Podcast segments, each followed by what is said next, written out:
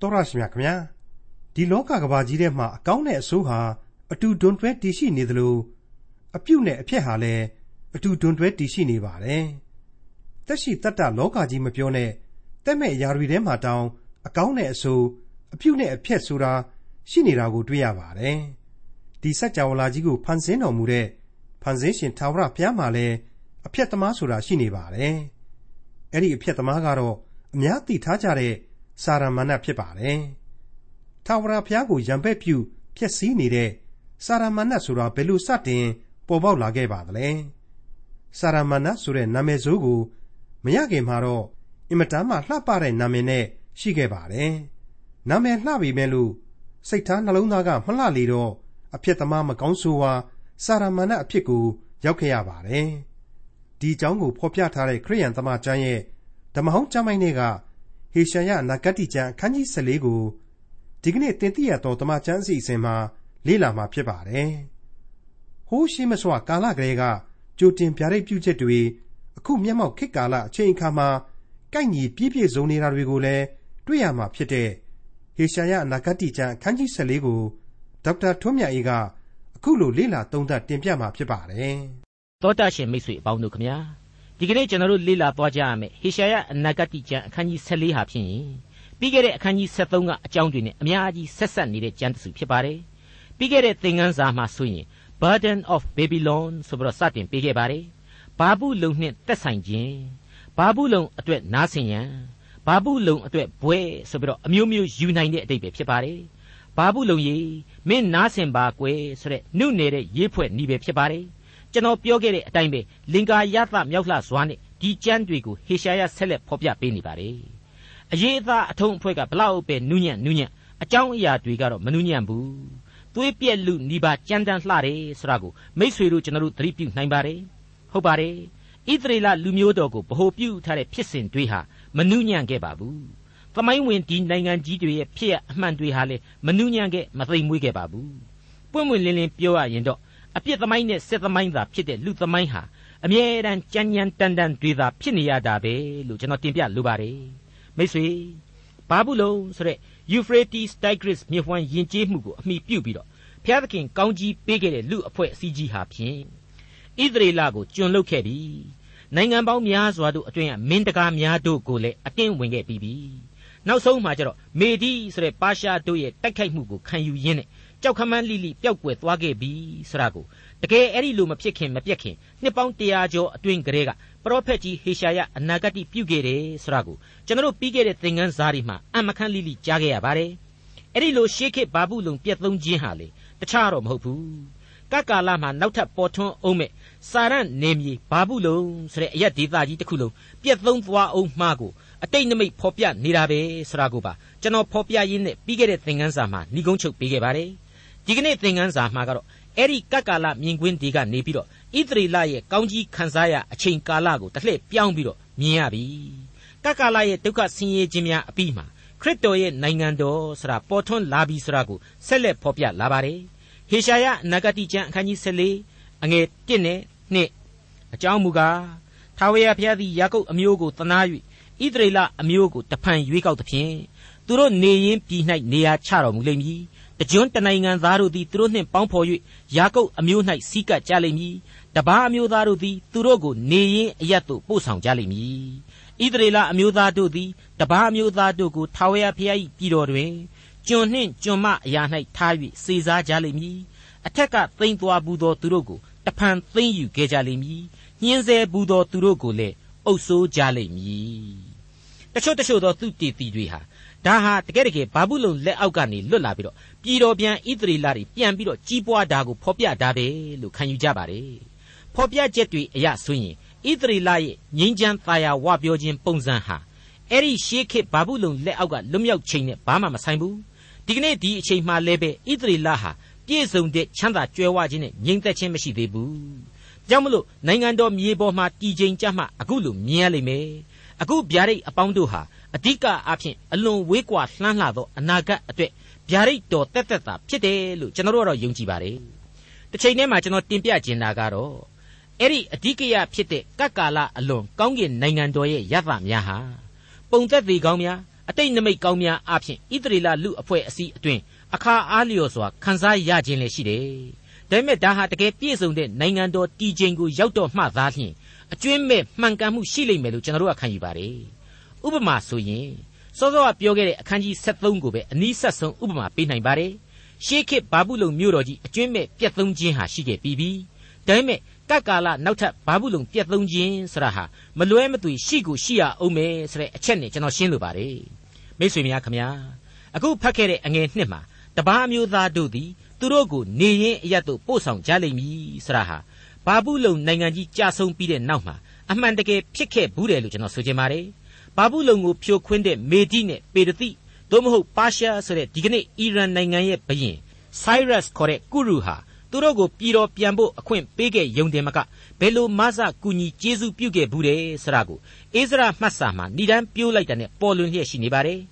အဲ့ဒီကုရုဘုရင်ကြီးဟာဣသရေလတွေကိုဘာဘူးလုံလက်အောက်ကနေသူ့လက်အောက်ကိုဆက်ဖမ်းထိုင်ရနိုင်ပါတယ်။ကြုံပြုတ်ရင်ရနိုင်ပါတယ်။ဒါပေမဲ့လွတ်ပေးခဲ့ယုံတင်မကသေးဘူး။ စေတနာအပြည့်အဝနဲ့ကူညီခဲ့ကြောင်းကိုအခုလိုအိစရာမှတ်စာအခန်းကြီး1အငယ်9မှ17အတွင်းမှာပြန်ပြီးတော့တွေ့နိုင်ပါတယ်။ထိုအခါယူဒအဆွေအမျိုးနှင့်ဗိညမိန်အဆွေအမျိုးသူကြီးများယေဘရဟိတ်လေဝိသားများနှင့်တကွဖျားသခင်နှိုးဆော်တော်မူသောသူအပေါင်းတို့သည်ယေရုရှလင်မြို့၌ရှိတော်မူသောထာဝရဘုရား၏အိမ်တော်ကိုတိဆောက်ခြင်းဟာထားကြ၏အိမ်နီးချင်းရှိသမျှတို့သည်အလိုလိုလှူသောအလှူမှတပါငွေတစားနှင့်ရွှေအစရှိသောဥစ္စာများ တရိษံများအဖိုးထိုက်သောအရာတို့နှင့်မဆကြ၏ထိုမှတပါ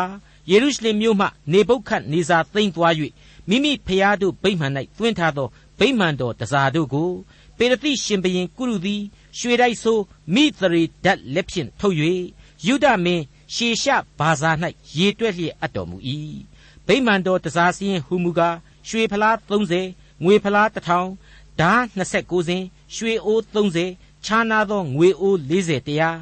အခြားသောတစား1000ရွှေတစားငွေတစားအရေအတွက်ပေါင်းက9400ဒီထိုတစားများကိုရှေရှဘာဇာသည်ယူ၍အချုပ်ခံရသောလူစုတဲကဘာဘူးလုံမြို့မှယေရုရှလင်မြို့သို့ခေါ်သွားသောသူတို့နှင့်အတူဆောင်ခဲ့၏အဲ့ဒီလိုဣသရေလကိုတပားအမျိုးသားတွေစီကနေတဆင့်ကျေးဇူးပြုတော်မူတာကတော့အမှန်မှအဖဖျားသခင်ကိုတော်တိုင်သာဖြစ်ပါတယ် ဣသရေလရဲ့အဲ့ဒီလိုပြီးတော့ပြန်ချိန်မှာဖျားကျွန်တွေအဖြစ်တိုင်းတပါးသားအချို့တွေပါဝင်လာတယ်ဆိုတာကိုလေအိစရာမှတ်စာအခန်းကြီး2ရဲ့အငယ်53ကနေစဖတ်ကြည့်ရင်အတော်များများဆဆတွေ့နိုင်တဲ့အတွက်ကြောင့်အခုဟေရှာယအနာဂတ်ဟာရှေးကာလမှာပင်ဖြင့်မှန်ကန်ခြင်းအတော်အတန်ရှိခဲ့ပြီးပြီဒါပေမဲ့ဒီကျမ်းရဲ့ဝေါ်ဟာရအသုံးအနှုန်းတွေကိုစိတ်စိတ်ကြည့်မယ်ဆိုရင်တရက်ကြီးမားတဲ့ကျေးဇူးတော်ကာလတစ်ခုကိုသာအဓိကဥတည်နေတယ်လို့ကျွန်တော်ဆိုချင်ပါတယ် အခုဆက်ပြီးကြားနာရမယ့်အနာဂတ်စကားတွေဟာပို့ပြီးတော့နည်းနည်းလာပါလိမ့်မယ်ခရစ်တော်ရဲ့နိုင်ငံတော်ကာလကိုပို့ပြီးတော့ဥတည်ရည်ညွှန်းကြောင်းထင်ရှားလာစေလိမ့်မယ်လို့ကျွန်တော်ဆိုချင်ပါတယ်ထိုအခါထာဝရဘုရားသည်တင့်ကိုညှိုညင်ခြင်းစိုးရိမ်ခြင်းသူတစ်ပါးစေစား၍ဆင်းရဲစွာအစေကျွန်ခံရခြင်းတဲကနှုတ်၍ချမ်းသာပေးတော်မူလျှင်သင်သည်ဘာဘူးလုံရှင်ဘရင်ကိုရည်ဆောင်၍ပုံစကားကိုဤသို့မွဲ့ဆိုလိမ့်မည်အစိုးတရားပြုသောသူသည်ဆုံးလေပြီတကား ရွှေမျိုးတော်သည်ဆုံးလေပြီတကားလူတ attva တို့ကိုအမျက်ထွက်၍အစင်မပြတ်ရိုက်ခြင်းအတိုင်းတိုင်းအပြည်ပြည်တို့ကိုမာနစိတ်နှင့်အုပ်ဆိုး၍အစင်မပြတ်ညှင်းဆဲခြင်းကိုပြုသောအတ္တမလူတို့၏တောင်ဝှေးကို၎င်းထိုသို့အစိုးရသောသူတို့၏ယာစလှန်တံကို၎င်းထာဝရဘုရားချိုးတော်မူပြီမြေတပြင်လုံးသည်ငြိမ်ဝတ်ချမ်းသာခြင်းရှိ၏ရှင်လန်းစွာတည်ခြင်းဆိုတာနှင့်ကြွေးကြော်ကြ၏ခင်ယူပင်နှင့်လေပနုံအာရစ်ပင်တို့ကသင်သည်လဲပြီးသည့်နောက် ငါတို့ကိုခုတ်လှဲသောသူသည် မတက်မလာရဟုသင်ကိုရည်ဆောင်၍ဝမ်းမြောက်ကြ၏မိတ်ဆွေဒါကတော့ဟေရှာယအနာဂတိကျမ်းအခန်းကြီး14အငယ်3မှ18အတွင်ဆက်လက်တွေ့ရခြင်းပါပဲမိတ်ဆွေအပေါင်းတို့ခမညာဒီနေရာကဘာဘူးလုံရှင်ဘရင်ဆရာဟာဗျာဒိတ်ကျမ်းအခန်းကြီး73ကနေစပြီးတွေ့ရတဲ့ဘယင်ကိုသာအဓိကဥတီလိုက်တယ်လို့ကျွန်တော်တွက်ဆပါတယ်။အဲ့ဒီကပ်ကာလမှာဖျက်ဆီးခြင်းခံကိုခံရမဲ့ဘာဘူးလုံဆိုတာဟာ စာရမဏတ်ရဲ့နိုင်ငံတစ်ခုပဲဖြစ်ပါတယ်။အန်တိခရစ်ဆိုတဲ့ခရစ်တော်ဆန့်ကျင်ရေးသမားကြီးမင်းမှုတဲ့နိုင်ငံပဲ။ကပ်ကာလအတွင်းမှာအဲ့ဒီစာရန်ဘက်တော်သားတွေဟာအကျွင်းမဲ့ပျက်စီးကုန်ကြရမယ်။ဒါကြောင့်မို့မြေကြီးတစ်ပြင်လုံးသည်ငြိမ်ဝတ်ချမ်းသာခြင်းရှိ၏ဆိုပြီးတော့ဖော်ပြတာဖြစ်ပါတယ်။ရှင်လန်းစွာတည်ခြင်းဆိုတဲ့ဆရာဟာဟာလေလုယဆိုတဲ့ဘုရားသခင်ဘုန်းတော်ကိုအစုံအလင်သိဆိုခြင်းဖြစ်လိမ့်မယ်လို့ကျွန်တော်ဆိုချင်ပါတယ်အခုဆိုရင်ပို့ပြီးတော့တောင်းမှအ내အတိတ်ပဲဟာရှင်းလင်းလာပါလိမ့်မယ် ဟေရှာယအနာဂတိကျမ်းအခန်းကြီး14အငယ်6မှ7သင်သည်ရောက်လာသောအခါအောက်အရက်မရဏနိုင်ငံသည်ကြိုးစိုးအံ့သောငါလှုပ်လေ၏သင်ချိုင်းသားများနှင့်လောကီမင်းများအပေါင်းတို့ကိုသင်အတွက်ကြောင့်နှိုးဆော်လေ၏အတိုင်းတိုင်းအပြည်ပြည်သောရှင်ဘရင်အပေါင်းတို့သည်ယာစပလင်တို့မှထစေ၏ထိုသူအပေါင်းတို့ကသင်သည်လဲငါတို့ကဲ့သို့အားနေပါသည်တကားငါနှင့်တူပါသည်တကားသင်ဤဘုံအသရေနှင့်သင်ဤတူရိယာအမျိုးအသံပလံတို့ကို မရဏနိုင်ငံတွင်ရှုံချလေပြီတကားသင်အောက်၌ပိုးကောင်များကိုခင်းလျက်သင်အပေါ်၌တီကောင်များကိုခြုံလျက်ရှိပါသည်တကားဟုသင်ကိုနှုတ်ဆက်၍ပြောဆိုကြလိမ့်မည်မှန်ပါတယ်မိတ်ဆွေအဲ့ဒီကပ်ကာလခဲရင်ဆိုးရုပ်ခြင်းဆရာဟာခရစ်တော်ရဲ့အပိသက်စီရင်ခြင်းကာလဖြစ်ပါတယ်အတိုင်းတိုင်းအနိုင်နိုင်နိုင်ငံတွေဟာပျက်စီးကုန်ကြရမယ်အဲ့ဒီပျက်စီးခြင်းတဲ့မှမှလောကီနိုင်ငံရဲ့ဥဆောင်နိုင်ငံကြီးဘာဘူးလုံဟာအပြင်းထန်ဆုံးခံရလိမ့်မယ် ဇာတိပဂရိလွှမ်းမိုးနေတဲ့လူအဖွဲ့အစည်းတစ်ခုလုံးဟာစာရန်ဆိုတာဟာတကယ်တော့ဘာစုဘာမှမတတ်နိုင်တော့ပါလားဆိုတာကိုဝန်ခံကြရမှာဖြစ်တယ်လို့ဟေရှာယအဖြစ်အနာဂတ်ပြုလိုက်ခြင်းဖြစ်ပါတယ်ဟေရှာယအနာဂတိကျမ်းအခန်းကြီး14အငယ်7မှ15အိုးနန်းနဲ့သားမူတော့ကျဲသင်သည်ကောင်းကင်ကကြလိပြီတကားအပြည်ပြည်တို့ကိုနှိပ်စက်သောသင်သည်မြေတိုင်အောင်ခုတ်လှဲခြင်းကိုခံရလေပြီတကားသင်ကလည်းကောင်းကင်ဘော်သို့ငါတက်မည် ဖျားသခင်ဤကျဲတို့အပေါ်မှာငါပလင်ကိုငါချီးမြှောက်မည်မြောက်မျက်နှာဘက်ဗျာဒိတ်တော်တောင်ပေါ်မှာငါထိုင်မည်မိုးတိမ်ထိပ်ပေါ်သို့ငါတက်မည်အမြင့်ဆုံးသောဖျားကဲ့သို့ငါနေမည်ဟုစိတ်အကြံရှိလေပြီသို့တော်လေသင်သည်မရဏနိုင်ငံသင်ချိုင်းတွင်တဲ့သို့နှိမ်ချခြင်းကိုခံရလေပြီ။အိုးနန်းနဲ့သားမိုးတော့ကျဲတဲ့။အဲ့ဒါဟာလူစီဖာကိုခေါ်ခြင်းပဲဖြစ်ပါတယ်။ဘလောက်အံ့ဩစရာကောင်းတယ်လေ။လူစီဖာဆရာဟာ ဖျားသခင်ကိုတော်လှန်ပုန်ကန်သွားတဲ့ကောင်းကင်တမန်ထိတ်တန်းကောင်းကင်သားပဲဖြစ်ပါတယ်။သူ့အကြောင်းကိုယေဇကျေလအနာဂတိကျမ်းအခန်းကြီး28မှာဖော်ပြထားတဲ့ခေရုဗိမ်အဆင့်အတန်းကနေဖောက်ပြန်သွားတဲ့ရန်သူကြီးအဖြစ်ကျွန်တော်တို့မြင်နိုင်ပါတယ်။ဒါကိုယေဇကျေလအနာဂတိကျမ်းအခန်းကြီး78အငယ်7ကနေ19အတွင်းမှာကျွန်တော်တို့အကျယ်တဝင့်ဖတ်ရှုလေ့လာကြည့်သင့်ပါတယ်။မိษွေတို့ကိုယ့်အကိုပြန်လှန်လေ့လာကြည့်ကြပါရန်ကျွန်တော်မေတ္တာရက်ခံလိုပါတယ်။ ကယ်တင်ရှင်သခင်ခရစ်တော်ကလည်းသူ့အကြောင်းကိုရှင်လုကာခရစ်ဝင်ကျမ်းအခန်းကြီး30အငယ်78မှာဖော်ပြထားတာကတော့လျှက်စစ်ကဲ့သို့ဆိုပြီးတော့ပဲဖြစ်ပါတယ်။ရှင်ယောဟန်ဩဝါဒစာပထမစာဆောင်အခန်းကြီး3အငယ်8အရာဖော်ပြတာကတော့မာနသည်ရှေးဥစွာမှစ၍ဒုစရိုက်ကိုပြုသောသူဖြစ်သောကြောင့်ဆိုပြီးတော့ဖော်ပြခြင်းပဲဖြစ်ပါတယ်။အတိတ်ဘယ်ကတော့အပြစ်ဒုစရိုက်ဆိုတာဟာသူ့ကြောင့်ပေါ်ထွန်းလာခြင်းပဲဆိုတာကိုဖော်ပြပေးလိုက်ပါတယ်။ ဗျာဒိတ်ကျမ်းမှာဖော်ပြချက်ကတော့အခုလိုဖြစ်ပြန်ပါတယ်။ဗျာဒိတ်ကျမ်းအခန်းကြီး7အငယ်9မှ10ကောင်းကင်၌စစ်ဖြစ်၏မိခေလာနှင့်သူ၏ကောင်းကင်တမန်တို့သည်နဂါးကိုစစ်တိုက်ကြ၏နဂါးနှင့်သူ၏တမန်တို့သည်စစ်တိုက်၍မနိုင်ကြကောင်းကင်၌လည်းသူတို့နေစရာမရှိထိုအခါဤလောကတနိုင်ငံလုံးကိုလှည့်ပြား၍မာနစာရန်အမည်ရှိသော ရှေးမွေဟောင်းကြီးဟုသောနဂါးကြီးကို၎င်းသူနှင့်အတူသူ၏တမန်တို့ကို၎င်းမြေသို့ချလိုက်ကြ၏ ကောင်းကင်ဘုံ၌ကြီးသောအသံကယခုမှကဲတင်ခြင်းဖြစ်၏တကိုးတော်လည်းဖြစ်၏ငါတို့ဖျားသခင်၏နိုင်ငံတော်နှင့်သူ၏ခရစ်တော်၏အာဏာတော်စစ်လည်းဖြစ်၏အကြောင်းမူကားငါတို့ညီအကိုများကိုငါတို့ဖျားသခင်ရှေ့တော်၌နေညမပြတ်အပြစ်တင်သောရန်သူကိုအောက်သို့ချလေပြီမိษွေတော်တတ်ရှင်အပေါင်းတို့ခမညာ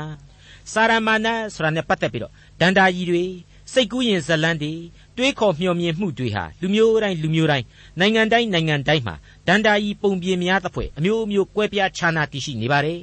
နှုတ်ကပတ်တော်ကဖော်ပြချက်ကတော့ထိတ်တန်းခေရုဗိန်ကောင်းကင်တမန်တကိုးသိပ်ကြီးတယ်ကမ္ဘာလောကကိုဒုစရိုက်အပြစ်နဲ့လွှမ်းခြုံနိုင်တယ်ဒါပေမဲ့နောက်ဆုံးသောကာလမှာအကျွင့်မဲ့ပျက်စီးသွားရလိမ့်မယ်စသဖြင့်ရှင်းနေအောင်ပေါ်လွင်နေစီပါတယ်ဟေရှာယအနာဂတိကျမ်းကအခုဖော်ပြနေတာတွေဟာသိပ်ပြီးတော့ပြတ်သားတိကြပါတယ် စာရမဏတ်ဟာဘုရားသခင်နေရာကိုအထိတက်ဖို့ရန်မှန်းနေတယ်ကြံစီနေတယ်ဒါပေမဲ့နောက်ဆုံးတိုက်ပွဲကြီးမှာတော့သေသွားရစေလိမ့်မယ်တဲ့အဲ့ဒီလိုဖော်ပြထားပါတယ်။အိုးနတ်နဲ့သားမိုးတောက်ကျဲသင်သည်ကောင်းကင်ကကြလေပြီတကား။အပြည်ပြည်တို့ကိုနှိပ်စက်သောသင်သည်မြေတိုင်အောင်ခုတ်လှဲခြင်းကိုခံရလေပြီတကား။သင်ကလည်းကောင်းကင်ဘော်သို့ငါတက်မည်။ဖျားသခင်၏ကျဲတို့အပေါ်မှာငါပလင်ကိုငါချီးမြှောက်မည်။မြောက်မျက်နှာဘက် ဗျာဒိတ်တော်တောင်ပေါ်မှာငါထိုင်မည်။မိုးတိမ်ထိပ်ပေါ်သို့ငါတက်မည်။အမြင့်ဆုံးသောဖျားကဲ့သို့ငါနေမည်ဟုစိတ်အကြံရှိလေပြီ။သို့တော်လေသင်သည်မရဏနိုင်ငံသင်ချိုင်းတွင်တဲ့သို့နှိမ်ချခြင်းကိုခံရလေပြီတဲ့အခုချိန်မှာတော့ဟေရှာယအနာဂတိကျမ်းအခန်းကြီး14အငယ်16မှ20ကိုဆက်လက်တင်ပြခြင်းပါတယ်။သင်ကိုမြင်သောသူတို့သည်စိတ်စိတ်ကြည့်ရှု၍ဆင်ခြင်ပြီးလျှင်မြေကြီးကိုတုန်လှုပ်စေ၍ တိုင်းနိုင်ငံများကိုလှုပ်ချောက်သောသူကဤသူလောလောကီနိုင်ငံကိုတောကဲ့သို့ဖြစ်စေ၍မြို့များကိုဖျက်ဆီးသောသူအချုပ်ခံရသောသူတို့ကိုမိမိနေရာသို့တဖန်မလွတ်သောသူကဤသူလောအပြည်ပြည်သောရှင်ဘရင်အပေါင်းတို့သည်အသီးအသီးမိမိတို့ဇေဒီ၌ဘုံအသရေနှင့်အိတ်ကြ၏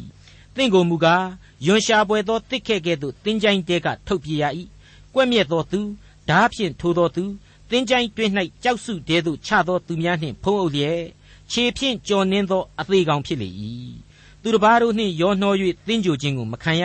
အကြောင်းမူကားမိမိပြည်ကိုဖျက်ဆီးပြီးမိမိအမျိုးသားချင်းတို့ကိုတတ်လေပြီးအရမပြုသောသူတို့၏အနှွယ်သည်ဂုံအသရေအရှင်းမရှိရဟုပြောဆိုကြလိမ့်မည်သူကြဆုံးတဲ့အချိန်မှာခရစ်တော်ရဲ့နိုင်ငံတော်ဏိဒန်းပြို့ပြီပေါ့ အဲ့ဒီအချိန်မှာသူ့အရေးအောက်ကလူသားတွေဘယ်လိုပြောကြဆိုကြမယ်ဆိုတာတွေကိုဖော်ပြပေးလိုက်ခြင်းဖြစ်ပါတယ်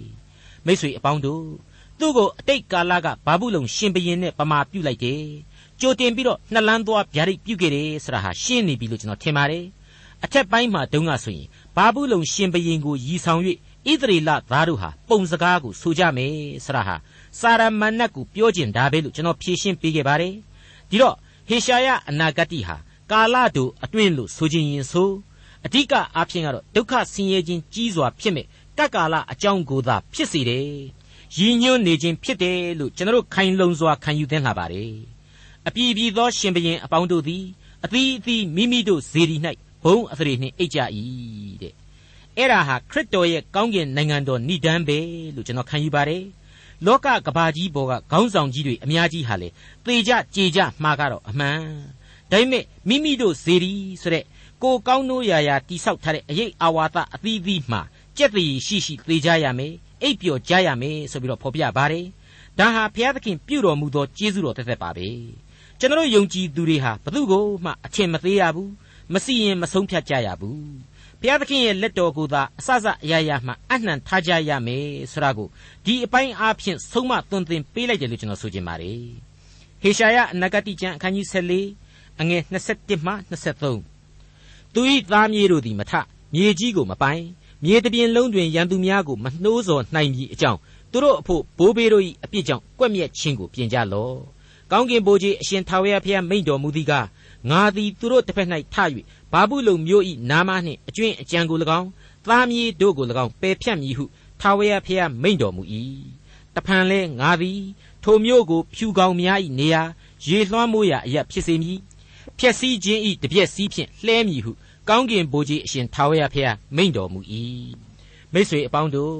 အတိတ်ကာလဘာဘူးလုံဆရာဟာပြီးခဲ့သောဇလန်တပုတ်အဖြစ်ကြံရစ်ခဲ့ပြီးပြီ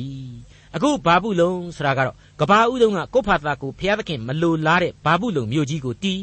ဘာဘူးလုံရေရိုက်ကြီးတီးခဲ့ကြသလိုကကာလအတွက်စီရင်ချင်းခံနိုင်ဖို့စီရင်ချင်းခံရဖို့စာရမဏတ်ကိုယ်တိုင်ဥဆောင်တိဆောက်တဲ့နောက်ဆုံးသောဘာဘူးလုံမြို့ကြီးပဲ အဲ့ဒီမြို့ကြီးဟာငโกဘာဘူးလုံမြို့မှာတီမာမဟုတ်ဖ ೇನೆ တခြားတနေရာမှာပဲတီးရလိမ့်မယ်ဘာဖြစ်လဲဆိုတော့ဟေရှာယနောက်ပိုင်းနှစ်200ခန်းကဘာဘူးလုံဆိုတာဟာအကျွင့်မဲ့ပျက်စီးခဲ့ပြီးပြီဖြစ်လို့မြေအောက်ကိုရောက်သွားခဲ့ပြီသားရဲ့တိရစ္ဆာန်တို့နေရာဖြစ်သွားပြီနတ်ဆိုးမိစ္ဆာတို့ရဲ့ကခုံရအရာဖြစ်သွားပြီနောက်တဖန်မတီးရဆိုတဲ့အတိုင်းပဲအဲ့ဒီနေရာမှာတော့ပြန်ပြီးတော့နလန်ထနိုင်ပွဲမရှိတော့ဘူးလို့ကျွန်တော်ဆိုချင်ပါတယ်ဟေရှာယအနာဂတိကျမ်းအခန်းကြီး14 အငယ်24မှ29ကိုဆက်ကြပါစို့ကောင်းကင်ဘိုးကြီးအရှင်ထာဝရဘုရားသည်ကျိန်ဆို၍မိန့်တော်မူသည်ကားငါဤမြေပေါ်မှအာရှုရိမင်းကိုငါနှိပ်စက်မည်ငါဤတောင်ရိုးပေါ်မှခြေဖြင့်ကြော်နှင်းမည်ဟုငါကြံစီသည့်အတိုင်းဖြစ်၍ငါစီရင်ကြက်လဲတီးရလိမ့်မည်ထိုအခါသူ၏ထမ်းဘိုးကိုသူတပားအပေါ်ကရွှေ့၍သူတို့ပခုံးပေါ်မှတင်သောဝန်ကိုချရသောအခွင့်ရှိလိမ့်မည်မြေတပြင်လုံးတွင်ထိုသို့ကြံစီတော်မူ၏ခသိန်းသောပြည်တို့အပေါ်မှ ထိုသို့လက်တော်ကိုဆန့်လျက်ရှိ၏ကောင်းကင်ဘိုးကြီးအရှင်ထာဝရဘုရား၏အကြံတော်ကိုအဘယ်သူဖျက်လိမ့်မည်နည်းဆန့်တော်မူသောလက်တော်ကိုအဘယ်သူလှန်လိမ့်မည်နည်းအခုအပိုင်းအခြားမှာအာရှုရိဆိုတဲ့ဝေါ်ဟာရထပ်မံပါဝင်လာပါတယ်ဒီအပိုင်းဟာအလေးနဲ့ထားပြီးတော့စဉ်းစားသင့်တဲ့အပိုင်းဖြစ်ပါတယ်ကကာလဆိုင်ရာအနာဂတ်များမဟုတ်တော့ဘဲနဲ့ကာလတို့အနာဂတ်များအဖြစ်ပြောင်းလဲမြင်ရတယ်လို့ကျွန်တော်ခံယူပါတယ်ဘပြီးခဲ့တဲ့ဟေရှာယအနာဂတိကျမ်းအခန်းကြီး30မှာကလေးက အငယ်24ကနေ28အတွင်းမှာဘုရားသခင်အနာဂတိဟာအခုလိုရှိခဲ့ပြီးပြီဖြစ်ပါတယ်ထို့ကြောင့်ကောင်းကင်ဘိုးကြီးသခင်အရှင်ထာဝရဘုရားမိန့်တော်မူသည်ကားဇီးအုံမြို့၌နေသောငါ၏လူမျိုးအာရှုရိမင်းကြောင့်မကြောက်နှင့်သူ၏ကြိမ်လုံးနှင့်သင်ကိုရိုက်မည်အဲဂုတ်ထုမင်းပြုသည်နိတုသူ၏လှန်တံကိုသင်၏အပေါ်မှမိုးလိမ့်မည်သို့တော်လည်းခဏကြာပြီးမှသူတို့သည်ပျက်စီးခြင်းသို့ရောက်သောအဖြစ်ငါအမျက်သည်ငြိမ့်၍ငါစိတ်လည်းပြေလိမ့်မည် ကောင်းကင်ဘိုးကြီးအရှင်ထာဝရဘုရားသည်ဩရဘကြောက်နားမှမိဒရန်အမျိုးသားတို့ကိုဒဏ်ခတ်တဲ့ကဲ့သို့၎င်းပင်လေကိုလှန်တန်တော်နှင့်မိုးတဲ့ကဲ့သို့၎င်းထိုမင်းအဖို့ဘေးဥပတ်ကိုပြင်ဆင်၍အဲဂုတ်ထုလက်ထက်၌ကဲ့သို့သောတဖန်လှန်တန်တော်ကိုချီတော်မူမည်ထိုကာလ၌သူ၏ဝန်ကိုသင်၏ပခုံးဘောက၎င်းသူ၏ထံဘိုးကိုသင်၏လေပင်ဘောက၎င်းချရ၏စူဝါခြင်းကျေးဇူးကြောင့်ထံဘိုးပျက်စီးရ၏မှန်ပါတယ်မိတ်ဆွေ ကတ်ကာလအချိန်အထိမဆောင်ပါဘူး Assyrians ခေါ်အာရှုရိတွေဟာဟေဇကိဆိုတဲ့ဘုရင်လက်ထက်မှာယေရုရှလင်မြို့တဲကိုမဝင်နိုင်မြို့တိုင်းအပြစ်မှာတက်လုံးပြုတ်အောင်တညတွင်ချင်းသေခဲ့ကြရလိမ့်မယ်အာရှုရိမင်းကိုယ်တိုင်ဟာလေကိုသားအရင်ခောက်ခောက်ကတတ်လို့သေရမယ်ဆိုတာတွေ့ကိုကြိုပြီးတော့ဖော်ပြပေးလိုက်တယ်လို့ပါပဲမိတ်ဆွေအပေါင်းတို့ခမညာတက်ထိမှန်းနေတဲ့အနာဂတ်တွေဟာ အဲ့ဒီဗျာဒိတ်ပြုတ်ပြီးအချိန်တိုအတွင်းမှာအမှန်တည်ခဲ့ပြီဆိုတာကိုရှေ့သင်ခန်းစာတွေမှာသမိုင်းအဖြစ်မှန်များအဖြစ်ဆက်လက်တွေ့ရှိလာရပါလိမ့်မယ်အရေးကြီးနေတာကတော့ကျွန်တော်တို့ကကတ်ကာလတရားစီရင်ခြင်းကိုသာစိတ်ရောက်နေကြတယ်ကျွန်တော်တို့မိษွေတို့ရှင်သန်နေရတဲ့မျက်မှောက်အချိန်ကာလတွေဟာရောဟေရှာယညွှန်းတဲ့အနာဂတ်တွေထဲမှာအကျုံးဝင်မနေနိုင်ဘူးလားအကျုံးဝင်နေတာပဲပါနေတာပဲဆိုတာကိုသတိပြုမိကြဖို့ပါပဲအငယ်26နဲ့29မှာအခုလိုဖော်ပြထားပါတယ် မြေတပြင်လုံးတွင် ထိုသို့ကြံစီတော်မူ၏ခသိန်းသောပြည်တို့အပေါ်မှာထိုသို့လက်တော်ကိုဆန့်လျက်ရှိ၏တဲ့ပြီးတော့မှဆက်လိုက်တယ်ကောင်းကင်ဘိုးကြီးအရှင်ထာဝရဘုရား၏အကြံတော်ကိုအဘယ်သူဖျက်လိမ့်မည်နည်းဆန့်တော်မူသောလက်တော်ကိုအဘယ်သူလှန်လိမ့်မည်နည်းတဲ့ဟုတ်ပါတယ်မိတ်ဆွေတို့မြေတပြင်လုံးဟာသူ့ပိုင်တာပါခသိန်းသောတိုင်းပြည်အသီးသီးတို့ဟာလေဘလောက်ပဲသူ့ကိုပုံကန်ချာနာနေနေပုံကန်လို့သာရတယ်လက်တော်နဲ့တော့မလွတ်နိုင်ဘူး သူ့ရဲ့အကြံတော်ကိုလည်းဖျက်နိုင်စွမ်းမရှိပါဘူးဒါတွေဟာသမိုင်းသက်သေများအဖြစ်ကျွန်တော်ရှင်းလင်းပြတ်သားစွာသိနာလေခဲ့ကြပြီးသားဖြစ်ပါတယ်ဒါကြောင့်မို့လို့လေကျွန်တော်အနေနဲ့သူ့ကိုယ်သာကိုးကွယ်ဆိုတဲ့လင်္ကာလေးနဲ့မိษွေတို့ကိုအားပေးခြင်းပါတယ်အံ့ဩပွေသခင်အရှင်ကိုကိုးကွယ်ကြကတ်ကာလမဟုများဘိုလူစင်ဆက်နေ့ရက်တိုင်းသူပိုင်သားတယ်စင်ထာဝရာအဲ့ဒီလင်္ကာအတိုင်းပဲကိုရှင်သန်ရာနေ့ရက်အပေါင်းတို့ဟာလေသူ့ရဲ့စီရင်တော်မူခြင်းအတိုင်းသာလျှင်တည်နေရတယ်ဆိုတဲ့အသိနဲ့ဘုရားသခင်ကိုကိုးကွယ်ဝတ်ပြုကြဖို့အထူးပဲလိုအပ်နေတဲ့အကြောင်းတင်ပြလိုက်ပါရစေမိတ်ဆွေအခုဖော်ပြနေတဲ့အာရှုရိဆိုတဲ့ဝေါ်ဟာရကြောင့်ကတ်ကာလအတွက်ဗျာဒိတ်မဟုတ်ဘူးကာလတို့အနာဂတ်ကိုဖော်ပြနေတာပဲလို့ကျွန်တော်ခံယူတာဟာမှန်ကန်လိမ့်မယ်လို့ကျွန်တော်ဆိုချင်ပါတယ်အခုဆက်လက်ဖော်ပြမယ့်ကျမ်းပိုင်းဟာဒါကိုဆက်လက်သက်သေတည်သွားစေပါလိမ့်မယ်ဟေရှာယအနာဂတ်ကျမ်းအခန်းကြီး14အငယ်28မှ32 အာခတ်မင်းကြီးအနိစ္စရောက်သောနှစ်တွင်ခံရသောဗျာဒိတ်တော်ဟူမူကားအိုးဖိလိတိပြည်လုံးသင်ကိုရိုက်သောကြိမ်လုံးကျိုးသည်ကိုထောက်၍ဝမ်းမမြောက်နှင့်ထိုမွေအမျိုးတဲကမွေစိုးပေါက်လိမ့်မည်သူ၏အနွယ်သည်လည်းပြန်တက်သောမိမွေဖြစ်လိမ့်မည်အတိုင်းတဲ့အလွန်ဆင်းရဲသောသူတို့သည်စားရကြလိမ့်မည်ဆင်းရဲညိုညင်သောသူတို့သည်ဘေးလွတ်လျက်အိပ်ရကြလိမ့်မည်ငါသည်သင်၏အမြစ်ကိုသွေးချောက်ခြင်းအပြင်သတ်၍သင်၏အကျွင်းကိုလည်းမွေစိုးသည်ကွက်မြက်လိမ့်မည် အိုးတကားညီးတွားလော့အိုမျိုးငိုကြွေးမြည်တမ်းလော့အိုဖိလိတိပြည်လုံးသင်သည်မှိုင်တွေလျက်ရှိမြောက်မျက်နှာမှမိကိုထွက်လာ၏ထိုအလုံးအရင်၌တယောက်တခြားစီနေသောသူမရှိတပြည်တနိုင်ငံမှရောက်လာသောတန်တမန်တို့အားအဘယ်သို့ပြန်ပြောရမည်နည်းဟုမူကားထာဝရဘုရားသည်စီးအုံမြို့ကိုတီထောင်တော်မူသည်ဖြစ်၍ကိုရောဤဆင်းရဲသားတို့သည်ထိုမြို့၌ကိုးစားကြ၏မိတ်ဆွေအခုဖိလိတိဆရာဟာ Philistines လို့အင်္ဂလိပ်လိုမခေါ်တော့ဘဲနဲ့ Palestina ဆိုပြီးတော့ Palestine လို့သုံးတဲ့အတွက်ကြောင့်ပို့ပြီးတော့ဂယုစိုက်ကြရမှာဖြစ်ပါတယ်ဒီလူမျိုးဟာခါနန်ဒေသကိုရောက်လာတဲ့ဥရောပတောင်ဘက်စွန်းမြေထဲပင်လယ်ဒေသ Greek နဲ့ဆင်တူတဲ့ Greek ဆိုတဲ့ဥရောပအရပ်သားတွေဖြစ်ပါတယ်ပင်လယ်ရေကိုသိပ်ပြီးတော့ကျွန်းကျင်ကြပါတယ်ဒါကြောင့်မလို့အုပ်စုလိုက်ပင်လယ်ကိုဖြတ်ပြီးတော့အီဂျစ်ကိုဓမြဝင်တိုက်တဲ့အချိန်အီဂျစ်ကပြန်လဲတွန်းလှန်လိုက်တဲ့အချိန်မှာ ခါနန်ကမ်းရိုးဒမ်ဘက်ကိုစတင်ခြေချခဲ့ကြတယ်လို့သမိုင်းဆရာတွေကယူဆကြပါတယ်။ခံမှန်းကြီးအားဖြင့်ဣသရေလအရင်ရောက်တာဖြစ်နိုင်တယ်။ဒါပေမဲ့ဘာပဲပြောပြောဣသရေလနဲ့ပါလက်စတိုင်းဆိုတာဟာဘယ်တော့မှမတည့်ခဲ့တာကတော့အမှန်ပဲ